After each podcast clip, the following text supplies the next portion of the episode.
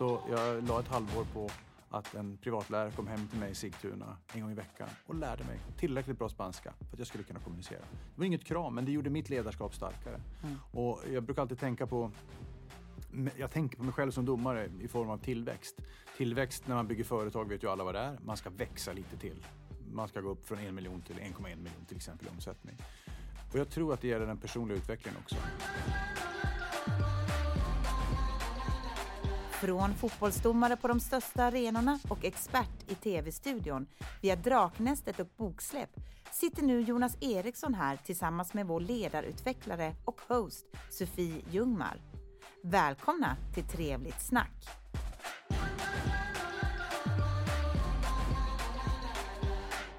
Vi börjar med trevligt eller otrevligt. 9 till 5 jobb. Otrevligt. Spela in ljudbok. Ja, det är trevligt att lyssna på men lite otrevligt att göra. Det tar mycket längre tid än vad man tror, för att ge ett kort svar.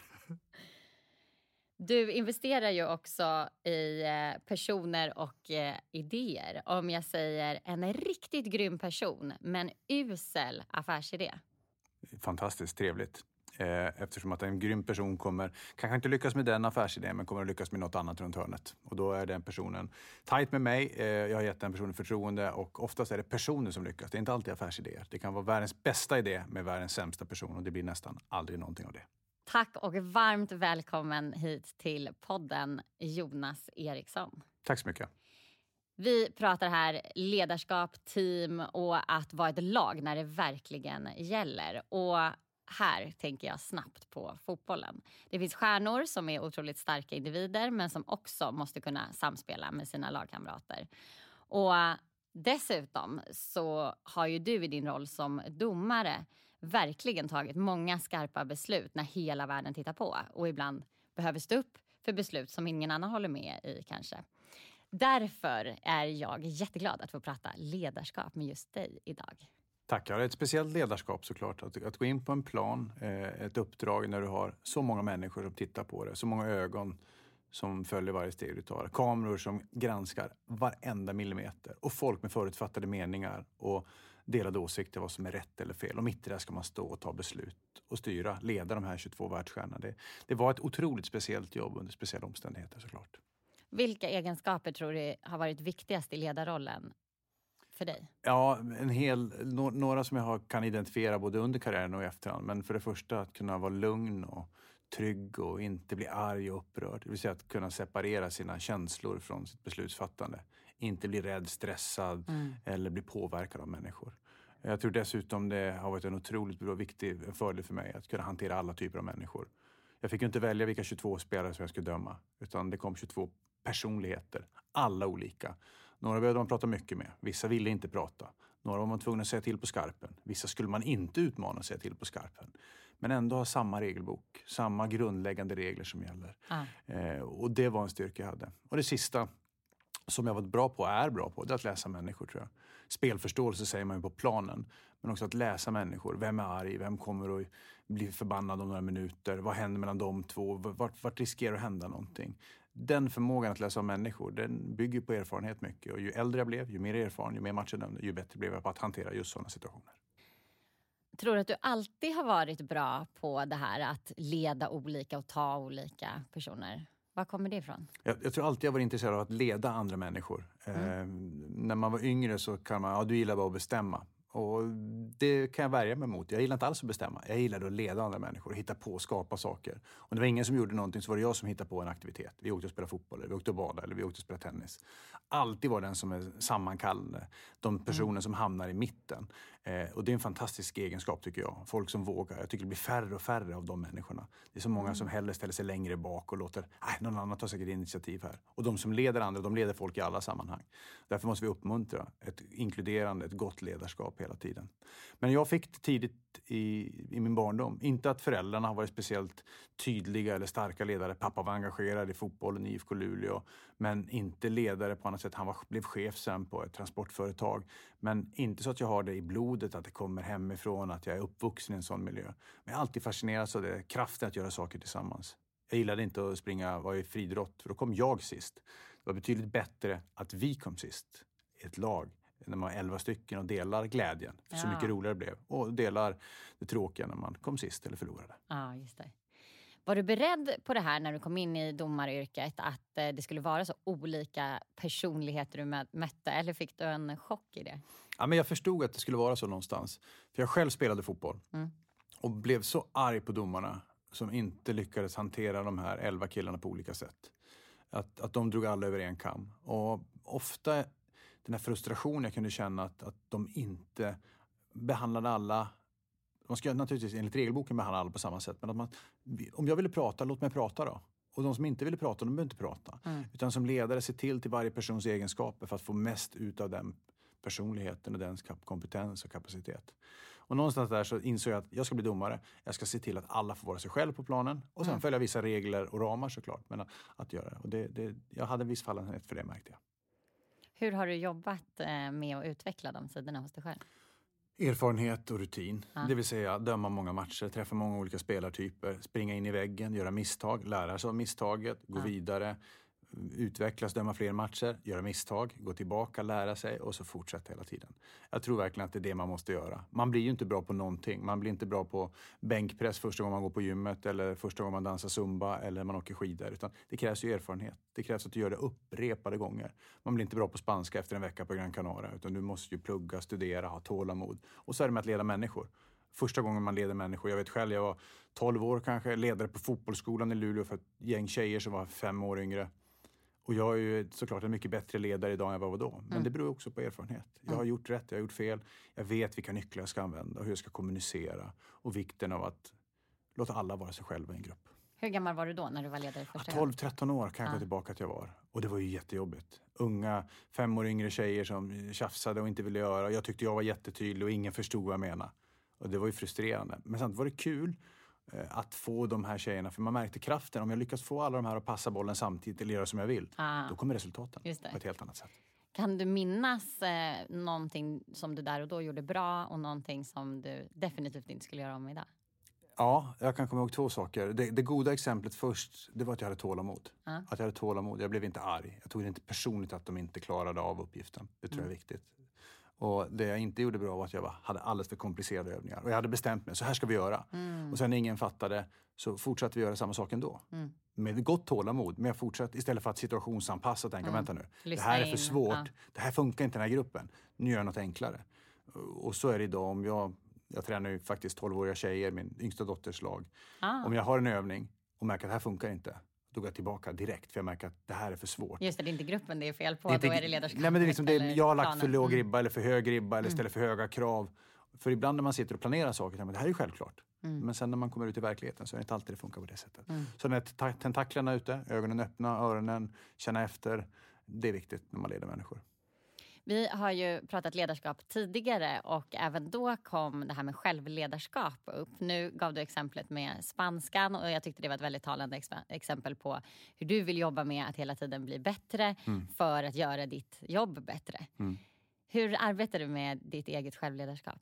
Ja, jag, jag såg det som otroligt viktigt under hela min karriär att jag skulle bli bättre. Jag hade ju chef visserligen, de satt ju flera hundra mil bort och de tittade inte på mig varje dag, hade en morot och en piska och sa kör, kör, kör. Utan vi träffades en gång i halvåret och, och däremellan så var det digitala kontakter och man fick möjligtvis lite feedback.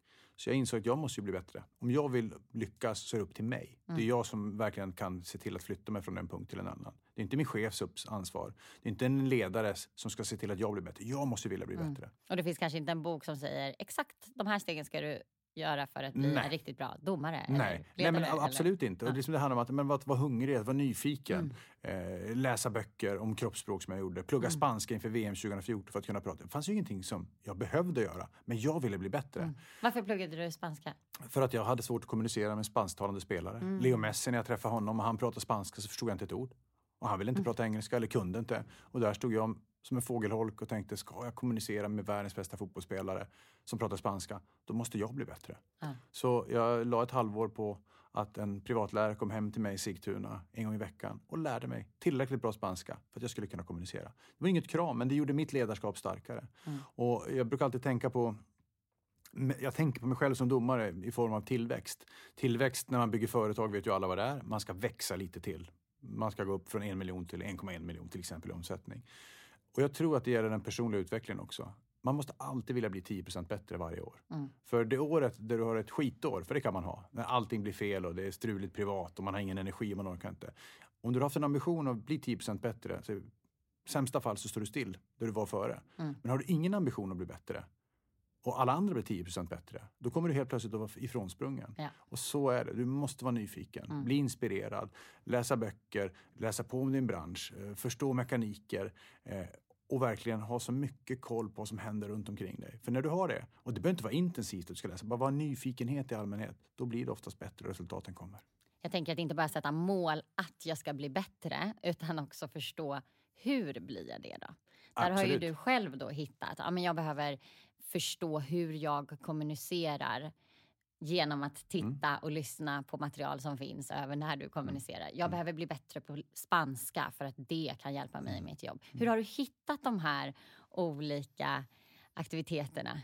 Ja, men en del är såklart självreflekterande, man tittar på det, men också duktiga människor i min omgivning. Framförallt mitt team, mina närmsta kollegor eh, som var jätteduktiga på att utmana mig och säga till när jag inte gjorde saker bra, saker jag kunde förbättra, saker jag borde bli bättre på. Har du bett dem om feedback eller? Bett om Hur? feedback till viss del, men jag har också valt människor som vågar säga Ja. saker. Inte ha massa jag-sägare som bara säger att jag är bra och gör allting rätt, för då, då blir man ju inte bättre. Men jag visste när de sa att jag var bra, då var jag bra. Och när de sa men du måste tänka på det här.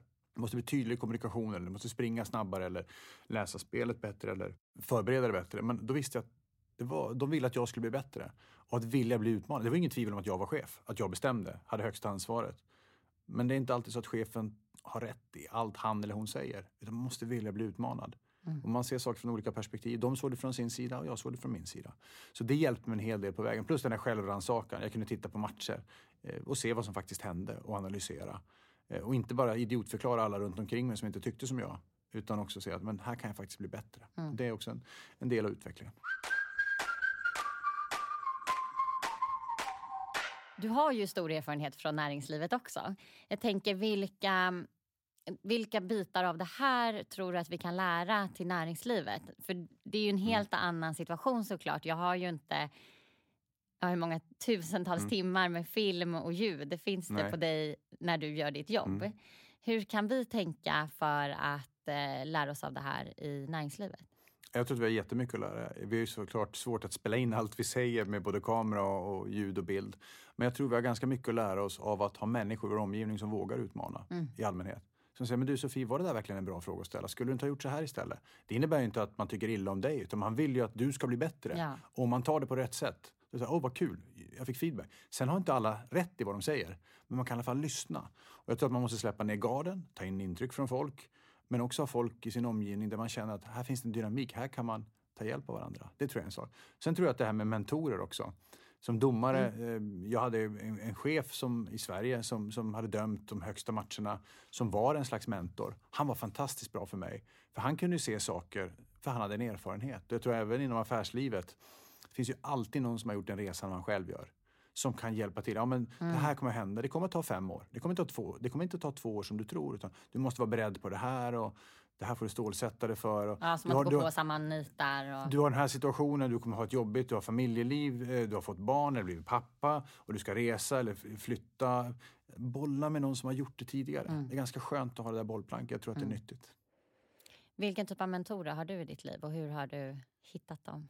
Ja, men I fotbollen var det ganska logiskt med folk som hade gjort samma resa. Jag har inga riktiga mentorer. Eh, Folk frågar ibland vilka förebilder har du? Och jag har plockat mina förebilder från de vitt skilda typer av människor. Jag tror att ledarskap handlar om personlighet. Man måste vara sig själv. Man kan inte vara någon annan.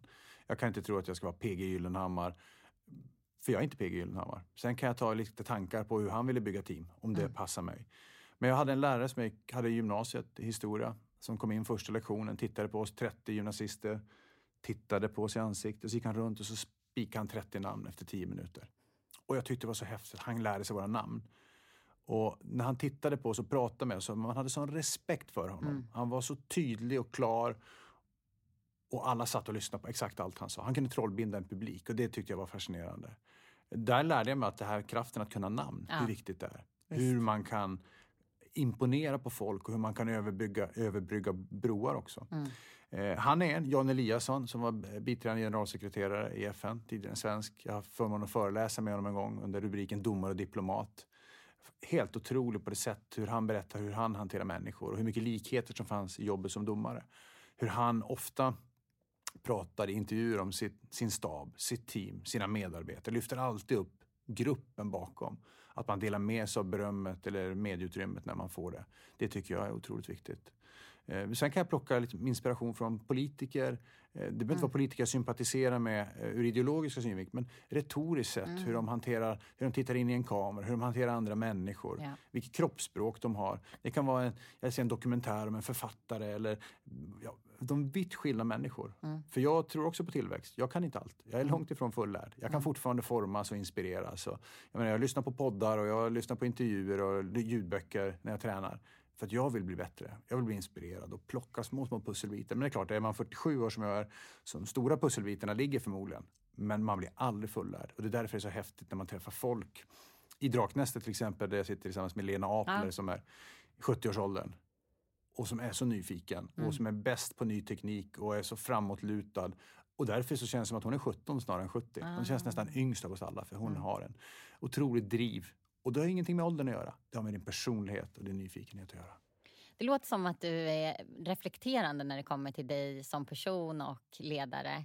För jag tänker att många ser de här personerna som du beskriver nu och bara tänker, ah, cool person. Men att faktiskt också stanna upp och så här, vad kan jag lära mig av det? Mm. Vad vill jag plocka hem i mitt ledarskap mm. eller mm. till min person? Var kommer det därifrån? Det, det är en bra, bra reflektion av dig. Det är verkligen så jag gör. Jag fascineras av personer och sen kan jag ibland, det är den första känslan, vilken fascinerande person. Sen mm. tänker jag, vad är den personen som jag fascineras av? Mm. Är det kunskapen? Är det retoriken? Mm. Är, det, är det hungern, nyfikenheten? Är det den sociala interaktionen? Är det sättet den personen går in i ett rum? Det, det är alltid någonting. Eh, och det är inte det första man tänker på, men jag brukar tänka på det. Vad är det den personen gör som jag mm. Blir fascinerad av? Och så försöker jag titta och ta efter, lära mig lite grann. Ta efter kan vara svårt för det måste passa mig. Jag kan inte gå in på samma sätt som vissa gör i ett rum. Men jag kan i alla fall bli lite inspirerad och inspiration kommer man ganska långt Ja, just det. Var tror du att det här kommer ifrån? Den jag, reflektionssidan hos dig? Jag tror fotbollen kommer därifrån. Ja. För framförallt i en internationell miljö. Vi vet om när vi kommunicerar, kroppsspråket är 60 procent. Mm. Ungefär 30 procent av rösten och 10 procent av budskapet. Ja.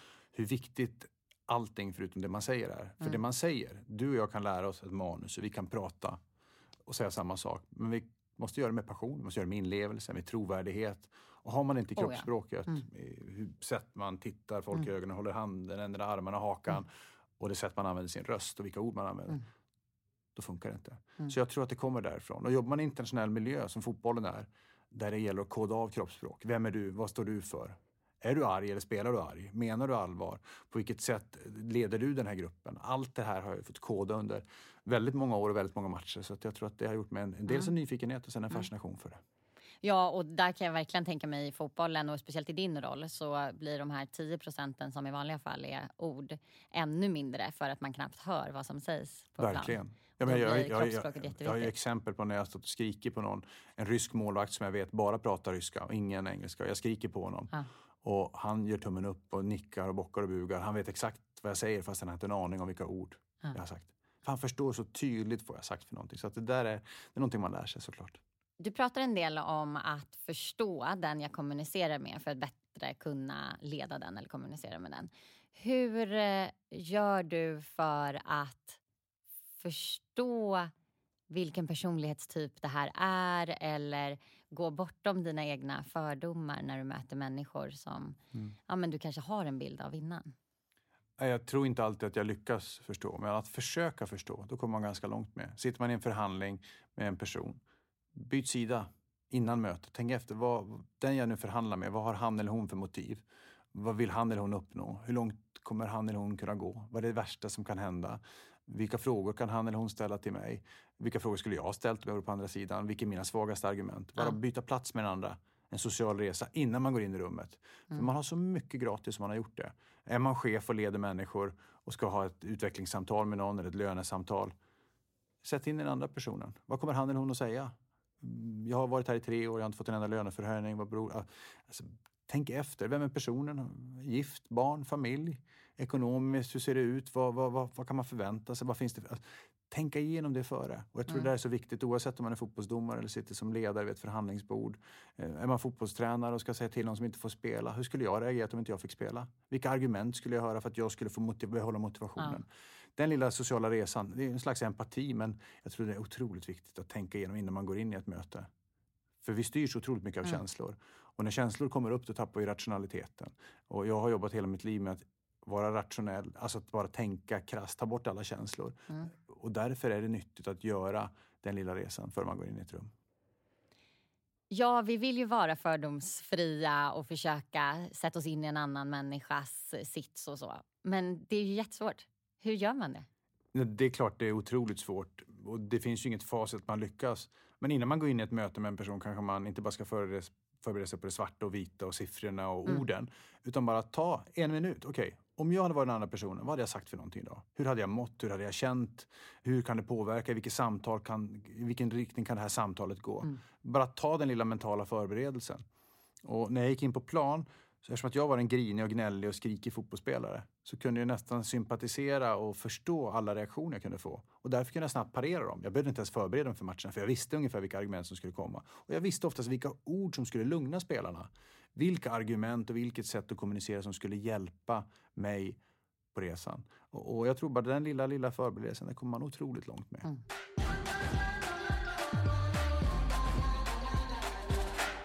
I domaryrket så har du jobbat med att leda på flera olika nivåer. Du leder spelarna som du har pratat kring nu.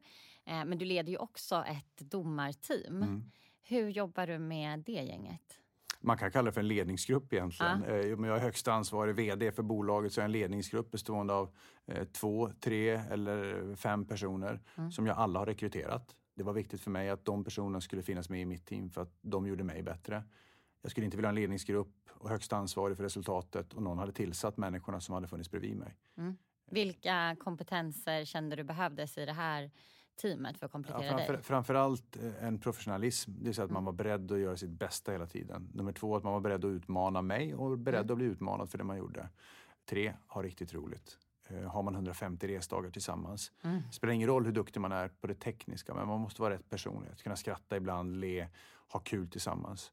Det där är en, en kombination som jag tror är viktig. Uh, och vad gäller de här spelarna då, så var det vi i ledningsgruppen. Om inte vi trivdes tillsammans, ja, då blir det oftast kaos på planen. Om inte vi hade samma värdegrund och såg reglerna på samma sätt, ja, men då visste ju spelarna inte vad som gällde. Mm. För på ena sidan var det okej okay att göra en sak och på andra sidan var det inte okej. Okay. Mm. Och därför känna att det här är ett team som är homogent. En mm. ledargrupp som är tryggt och som svarar samma sak oavsett vem som frågar efter löneförhöjning eller frågar efter mm. någon speciell tjänst. Den är jätteviktig. Och sen att vi tillsammans lyckades utstråla ett förtroende. Mm. Vi litade på varandra, jag litade på att alla i mitt team skulle göra sitt bästa. Vi nästan alltid tog rätt beslut. Och när man känner det, då känner man också en trygghet. Spelarna blir lugna. Okej, okay, vi kan lita på Eriksson och teamet för de brukar göra rätt i alla fall. Sen blev det fel ibland, men även när vi gjorde fel kunde vi få respekt för de besluten och det var viktigt. Jag tänker att många av de här besluten måste ske väldigt snabbt. Mm. Själv så kan man ändå, äh, men jag sover på saken, jag bollar med några kollegor, jag funderar ett tag. Här handlar det liksom om sekunder. Mm. Ska det röda kortet upp eller inte? Ska jag blåsa i visselpipan eller? Mm. Hur jobbar ni som team med de här snabba besluten?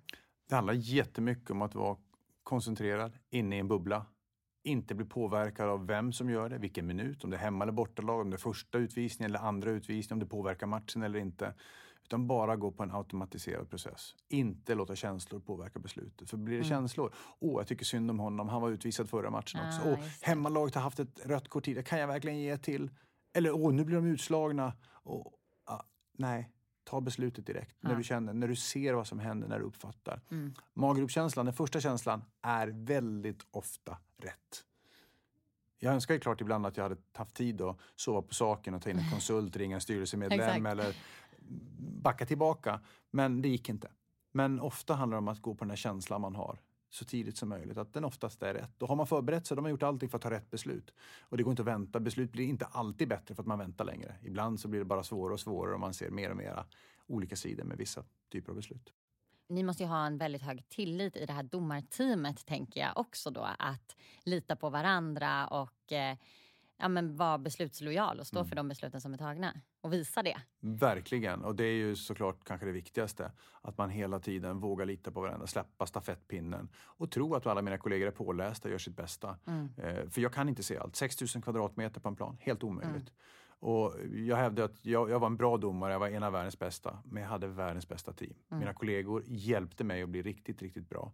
Utan deras hjälp hade jag aldrig nått dit. Och jag är otroligt tacksam för att jag hade de här killarna med mig. Jag valde dem, de kände en lojalitet till mig och jag känner en extrem lojalitet till dem. Jag skriver i, i den bok som, som jag kommit med som heter Korthuset om, om en incident när, när de vill, min uppdragsgivare Uefa ville byta ut en av kollegorna. Ja. Och jag sa det är inte aktuellt, då får ni byta ut mig. Mm. Eh, För han är med mig och jag litar på honom. Om jag inte litar på honom, då har ni plocka bort honom. Mm. Men jag litar på honom. Jag tar ansvaret för hans namn och han, mitt varumärke. Mm. Och det kändes viktigt för mig i ledarskapet. Vad hände med ert team efter ett sånt här Ja, jag, beslut? jag var fullt ärlig. Jag berättade, det här har de Ja. sagt. De tycker att du har missat det här. Eh, Jag kommer att svara så här. Jag litar på dig. Du behöver inte vara ett dugg orolig. Jag kommer att backa upp och stötta dig hela tiden. Och det uppskattade han. Dels att jag var ärlig. Eftersom att i min värld, domarvärlden, fanns det väldigt mycket annat än ärlighet. Men jag var ärlig mot Mattias. Jag berättade exakt hur det låg till. Och sa att du behöver inte vara ett dugg orolig. Jag kommer stötta dig. Och ska de plocka bort oss, plockar de bort mig. Och då är vi borta oavsett. Vi pratade tidigare om eh, förebilder och eh, ledare att inspireras av. Mm. Jag tänker att jag ska nämna några ledare så ska du bara få ge en första reaktion. Vad kommer till dig när du hör? Mm. Sara Wimmerkrans.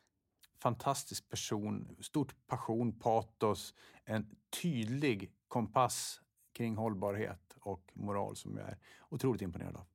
Haval van Drumt. Nu får jag säga, vem var det? Ja. Det är eh, Tres vd. Ah, du ser, Ja. du ser det är jag Det dåligt påläst. Ny, nej, det finns fler ledare att Men- eh, lära känna. Visst var det så? Men visst hade det varit bra om jag hade bara börjat prata där, hade inte haft en aning vem det var. Men du var i alla fall ärlig. Och det har jag lärt mig, man ska alltid säga ifrån. Jag, jag hamnar i många sammanhang nu för tiden där folk tar för givet att man kan saker. Men jag försöker, vänta, vad är det där? Jag byggde ett gym, eh, första gymmet vi byggde i Sigtuna. Så satt med på första byggmötet och så pratade man, ja vi bygger en gradäng här. vad fan är gradäng? Så googlade jag under mötet, gradäng. Ja, vad säger du? Ja, det blir bra, säger jag. För då visste jag till slut vad det var för. Men jag var tvungen att googla. Jag har exakt samma upplevelse när jag började på tre. Vi har också en gradäng. Ni har det det? tog ett tag att hitta dit. Ja, men man, ibland säger man bara ord och förkortningar som alla tar för givet man ska veta. Men med tanke på att det är en VD som, som brinner för det goda ledarskapet och att ni, man under sin karriär här på Tre ska ha den bästa chefen man någonsin har haft, så tror jag att eh, riktlinjerna eh, och tankarna kring ett gott ledarskap smittar av sin organisation där, där ledarskap är det absolut viktigaste. Hur skulle du beskriva en gradäng nu när du sitter på den Ja, jag skulle kunskapen? säga att det är liksom en, en, en omvänd trappa på något sätt. Liksom långsamma steg, liksom man, man, man höjer ytan, inte i sluttning utan i, i steg, gradäng, i olika grader. That's why. Mm. Man lär sig så länge man lever. Roberto Mancini. Roberto Mancini är en gentleman, en eh, fantastisk fotbollsspelare som jag såg 1990 i Göteborg spela eh, cupvinna cupfinalen med sitt Sampdoria. Mitt fotbollsintresse började brinna rejält någonstans där. Jag träffade honom som tränare på resans gång. Klass i sitt ledarstil verkligen.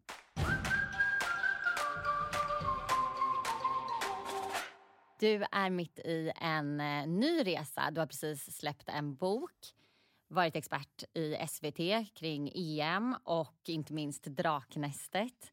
Vilka ledare inspireras du av just nu, där du är i livet? Ja, jag, jag har en period just nu där jag under ja, säg två månaders tid har konsumerat väldigt lite annat. Men jag lyssnar på mycket poddar, som den här. Där jag hör olika människor komma med olika tankar på hur man leder andra människor. Jag inspireras av att titta en hel del på, inte så mycket drama, utan mer på dokumentärer. Situationer som har hänt, historiska händelser eller dokumentärer som beskriver vad folk agerat i olika lägen. Jag tycker det är fascinerande. Man kan lära sig enormt mycket från historien, hur folk har agerat i olika lägen. Både bra och dåliga ageranden. Men man kan förstå. Sen är jag hungrig på tillväxt, på att bli bättre, smartare, klokare, mer erfaren. Och därför så är det alltid roligt att träffa nya människor, hamna i nya sammanhang, ställa frågor, ställa nyfikna frågor, ställa dumma frågor och förstå folks olika drivkrafter. Och det är häftigt och jag hamnar i sammanhang där jag får träffa jättemycket roliga människor och det är jag tacksam för och ser fram emot att göra även framöver. Var tror du att du kan hitta det här framåt? Jag hör ju att du är en person som vill utvecklas, vill prestera. få de här kickarna av att eh, bli bättre. Var, var, kan du hitta det här framåt? Ja, men man kan hitta det i det mest vardagliga. Jag kan hitta det när jag sitter i samtalet här och pratar med dig. Att jag reflekterar över mig själv med lite nya ord än vad jag gjort mm. tidigare. Eh, jag kommer att lyssna på andra av de här poddarna i den här serien. Eh, det finns garanterat folk som kan lära mig saker om ledarskap som jag inte tror jag kan. Den dag man tror att man är fullärd, ska man vara extremt nära sin pensionsålder. Men jag tror även när man har gått i pension, om ja. du inte är nyfiken på omvärlden, om du inte vill veta. Det värsta som finns är att träffa folk som inte ställer frågor, som bara pratar om sig själv. Jag frågar nästan aldrig om mig själv. Jag pratar, nu får jag göra det här i den här podden, men ställa frågor. Vem är du? Vad drivs mm. du av? Vad vill du göra? Vad är du om tio år? Och höra det. Och sen utifrån det bli inspirerad och sen skapa sig lite nya målbilder själv. Jag har hört dig prata lite om jämställdhet inom fotbollen. Mm. Eh, det väcker lite frågor hos mig. Vi på Tre har ju målet att bli telekoms mest jämställda bolag. Mm. Vi verkar i en mansdominerad bransch och eh, det tänker jag att fotbollen också är. Vad ser du för nycklar för att fotbollsvärlden ska bli mer jämställd? Jag tror att de företag som engagerar sig och sponsrar idrotten på olika sätt ska ställa mm. krav på de stora förbunden. De stora förbunden är långsamma, tröga, har kulturella problem och styrs alldeles för mycket av män. Jag tror att de stora företagen, när de går in i sponsordealen med Svenska fotbollförbundet och Internationella fotbollförbundet ska säga de här pengarna ska till män och till kvinnor. Man sponsrar inte bara ett herr-VM, utan man sponsrar alla former av ja, mästerskap. Och man ska fördela pengarna mer rättvist och mm. jämlikt än idag. Då höjer man statusen, man höjer värdet, man ser till att man får en helt annan exponering. Det tror jag är en grundläggande sak att göra och det kan den kommersiella världen göra. Sen att förbunden vill ändra det här, det är jag medveten om och jag tror att de själva inser vikten. Mm. Men det tar tid. Mm. Kultur är en organisation som har stått för korruption, vänskaps eh, nepotism och andra negativa saker. Det tar tid. Mm. Det tar otroligt lång tid. Så där kan man inte förvänta sig någon quick fix. Men företag som sitter på pengar och budget, och, de kan påverka. Mm. Och där tycker jag vi ser mer och mer att det sker olika saker. Och där tror jag verkligen att vi kan se en utveckling framöver. Ja. Hur upplevde du den här mansdominerade branschen? Ja, det, vi, ja, vi, män dömde män, det var ah. så det var på den tiden. Det fanns inga tjejer eller kvinnor som var aktuella för att döma. Nu har du har bara jobbat med killar? Bara jobbat med killar. Ah. Och vi började väl dela upp kurserna vid 2013. Och när någon frågar mig hur vi jobbar så säger jag stolt ja, vi har kurser gemensamt sedan 2013. Ah. Och så hörde jag hur dumt det lät. Ungefär som att säga men på, på tre hade vi män för sig och kvinnor för kvinnor ah. fram till 2013. Ah. Men det är en bransch som är konservativ. Mm. Män och kvinnor gör saker bäst tillsammans. Man ser det från olika håll, man har olika vinklar. Man utmanar varandra på ett helt annat sätt. Jag tycker det är självklart att göra och när kvinnor har dömt män på högsta nivå har det gått otroligt bra. Och jag tror att vi mår bättre av att blanda. Men jag tror inte bara att det är män och kvinnor vi ska blanda. Vi ska också blanda folk som är oliktänkande på annat sätt. Mm. Så vi inte har de här homogena grupperna där alla går i takt och tycker likadant. Öppningsmatchen i EM 2021 mellan Italien och Turkiet var 29 män och en kvinna på hedersläktaren. Det säger någonting om det patriarkat som, som finns där. Vi mm. måste kunna blanda upp det där på annat sätt. Mm. Du har ju erfarenheter från flera olika typer av branscher och uppdrag. Vilka synergier ser du i ditt ledarskap här emellan? Alltså jag tror ledarskapet är detsamma oavsett vilken bransch du jobbar med. För det är människor, det är mjukvaran. Det är, de ska styras på samma sätt på en fotbollsplan som de ska göra i en organisation som jobbar med gym eller om man jobbar inom telekom. Jag är ja. övertygad att det är samma typer av nycklar. När man får människor att jobba tillsammans blir det en enorm kraft framåt. Och människor jobbar åt olika håll, då blir det en motsatt effekt. Så att det är faktiskt samma oavsett vilken bransch du jobbar i. Jag tror att det är viktigt det här med könsfördelningen, att försöka ha den så jämn som möjligt. Jag äger allt från teknikföretag där det bara är män och jag äger gym där det är 95% kvinnor. Och ingen miljö blir riktigt bra. Mm. Hellre att vi ska ha 50-50 på båda, men det är svårt. Det tar tid att ändra och rekrytera och skapa förutsättningar för att man ska få ett ännu bättre samarbete. Hur jobbar du aktivt med det? Jag försöker såklart i de funktioner jag är. Jag är inte operationell, men vi sitter mm. i styrelsen och när vi rekryterar människor så söker vi framför allt det motsatta könet för att mm. få den blandningen. Men det är inte lätt alla gånger. Är det en mansdominerad bransch är det svårt att få in kvinnor och är det en kvinnodominerad bransch, då är det svårt att få in män. Mm. Det där är svårt och jag, jag, vill inte kvotera, så vi tar bara in manliga sökare. Vi ska ha rätt person på rätt mm. plats. Det vore tusan om svenska landslaget i fotboll skulle kräva en vänsterfotad när de ska ta in en ny spelare. Man tar in den som är mest lämpad för platsen. Det mm. kanske är en vänsterfotad. Men du kan ha en högerfotad som är ännu bättre på den platsen. Då måste man ta in på det sättet. Ja, och snarare jobba med hur vi riktar oss mot de här olika målgrupperna och visa på inkludering och Exakt. Men det handlar också om den sociala resan. Om vi bara har tjejer som jobbar på vårt gym, vilket vi har till 90 procent, så kanske vi ska tänka på den manliga sidan. Alltså vi tänker oss, vi gör den här empatiska resan vi pratar om. Att, vad söker männen för någonting? Ja, vad vill precis. de ha? Eh, Eftersom att kvinnorna tänker redan på det. Men Mm. att hitta det där andra perspektivet. Och det kan man göra även om, bara man är medveten om det så finns det en fördel. Vilka delar i ledarskapet är väldigt olika när det kommer till fotbollen och andra branscher du varit i? Ja, fotbollen är ju ett makt, verkligen makt, led, ledarskap som bygger på makt. Mm. Man får inte säga emot domaren. Säger du emot domaren är det gult och rött kort bestraffning. Jag tänker om det var det på kontoret, man får gult kort om man utmanar chefen. Gå hem. Gå hem. Ja, men som domare, om du får en jobbig fråga, vissa domare vänder ryggen och springer därifrån. För man vill inte svara på det. Tänk dig själv, någon kommer ställa en fråga till dig och du bara går därifrån. Det funkar inte. Och det är därför som ledarskapet i fotbollens domarskap är så uselt. De cheferna som finns på högsta nivå, de är för detta domare. Där man kunde be folk få åt helvete, vända ryggen till, ge gult och rött kort och idiotförklara de som tyckte något annat än vad du tyckte. Det funkar inte i verkligheten. Så där har du en tydlig, tydlig skillnad. Kan man hantera människor på plan på ett bra och humant sätt och framförallt vara duktig i sin kommunikation, då kan man leda folk utanför. Men om du tror att det är gula och röda kort och utskällningar som gäller, då är man på fel ställe. Vi har ingen lyssnarfråga idag, men vi har en fråga från en tidigare gäst, nämligen Bartosz Gjelak. Du har pratat om fördelen med att vara lång i ditt yrke som domare. Eh, upplever du att den fördelen även finns när du arbetar i näringslivet? Känner du av det på något sätt? Oh, vilken otroligt bra fråga. Eh, ja, jag kan se det som en fördel. På planen kunde jag definitivt se det. Det var lättare att se saker när man är lång. Man får lite annat perspektiv och vinkel. Jag tror när man går in i ett rum och är lång att man tar lite mera utrymme. Man, man syns lite mer. Människor som utnyttjar sin kroppsliga storlek, de tror jag inte på. Jag tror man ska vara en naturlig auktoritet. Så man kommer in i ett rum där det lyser karisma och oj, här kommer in någon. Ni vet, det kan det vara. Men jag tror Ja. att de människorna som är lite kortare, jag är 1,92. Är man kortare, då kanske man får jobba mer med den delen. Men ja, jag tror det kan finnas en fördel. Man kan komma in och ha en karisma som, som folk kan, kan dras till till en viss del. Men å andra sidan, man står ju på avstånd. Det ska inte spela så stor roll. På planen det kan det ju vara att man utnyttjar. Men det, det kan finnas en fördel, absolut. Det måste vara ett ganska utsatt och påfrestande jobb, tänker jag, som domare. Hur jobbar du med att ha full skärpa i över 90 minuter? Men det handlar väldigt mycket om att vara koncentrerad, gå in i bubblan.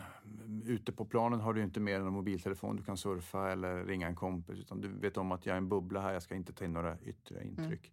När man pratar om domare på högsta nivå så lär man sig. Man dömer först inför åtta åskådare, sen är det 80, sen är det 800, sen är det 8000 och sen är det 80 000.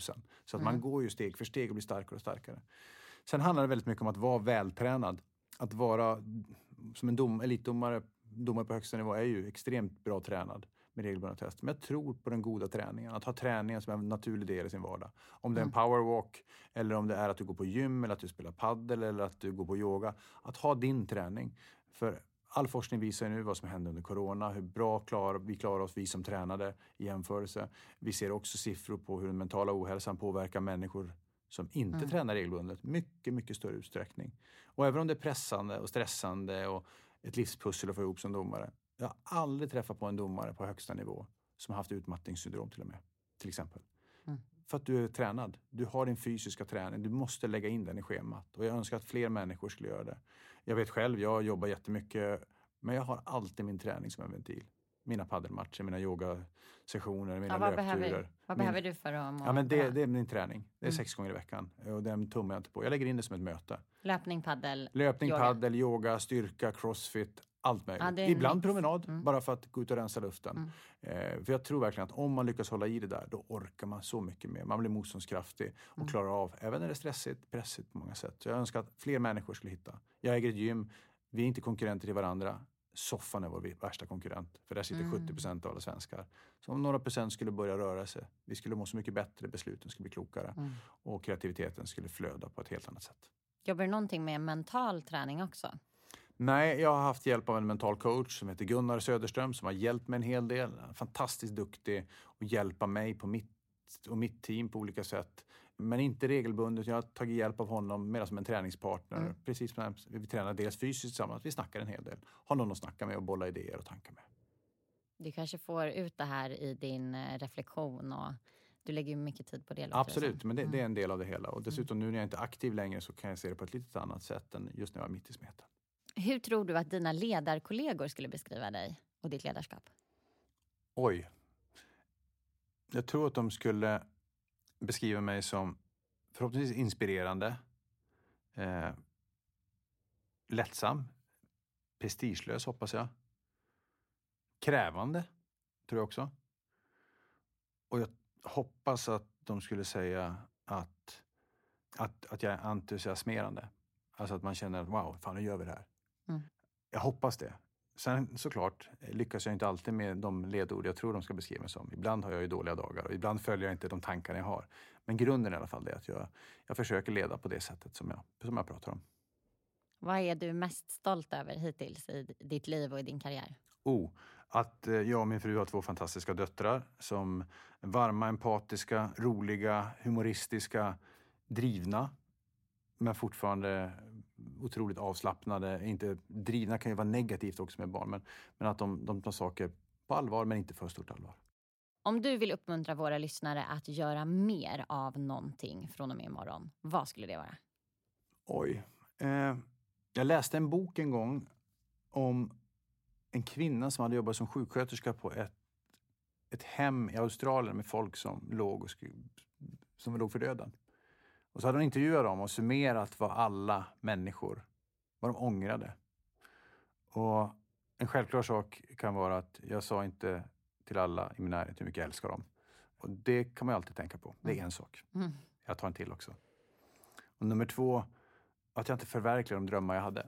Och det ska man göra. Har mm. man en dröm, då ska man göra det. Man ska inte vänta och man ska våga prova på utmana sig själv och gå utanför den där komfortzonen, inte stå stilla där. Mm. Det värsta som kan hända är att man misslyckas, så går man tillbaka och så har man lärt sig något, så lyckas man nästa gång. De två sakerna tror jag är ganska viktiga att ha, ha med sig på vägen. Den tredje kan jag också dra samtidigt, för jag tycker den är så fin. ja. Alla kompisar du har, glöm inte bort dem. Eh, lägg tid på dem. Mm. Man ångrar alltid att man inte var tillräckligt mycket med de vänner som betydde något för en. Det kan jag skicka med. Jag tycker de är ganska bra. Jag har dem i min mobiltelefon. Jag tittar på de där råden ibland och mm. försöker leva efter dem. Tack. Jonas, det har varit jättekul att snacka ledarskap med dig. Det är väldigt givande och härligt att prata med någon som reflekterat så mycket kring sitt ledarskap och kan se ledarskap i alla möjliga situationer och eh, händelser i livet. Jag är jätteglad att du ville dela med dig till oss. Tack för att jag fick vara här. Tusen tack för det här härliga samtalet Jonas. Tack till er som lyssnat. Glöm inte att drömma.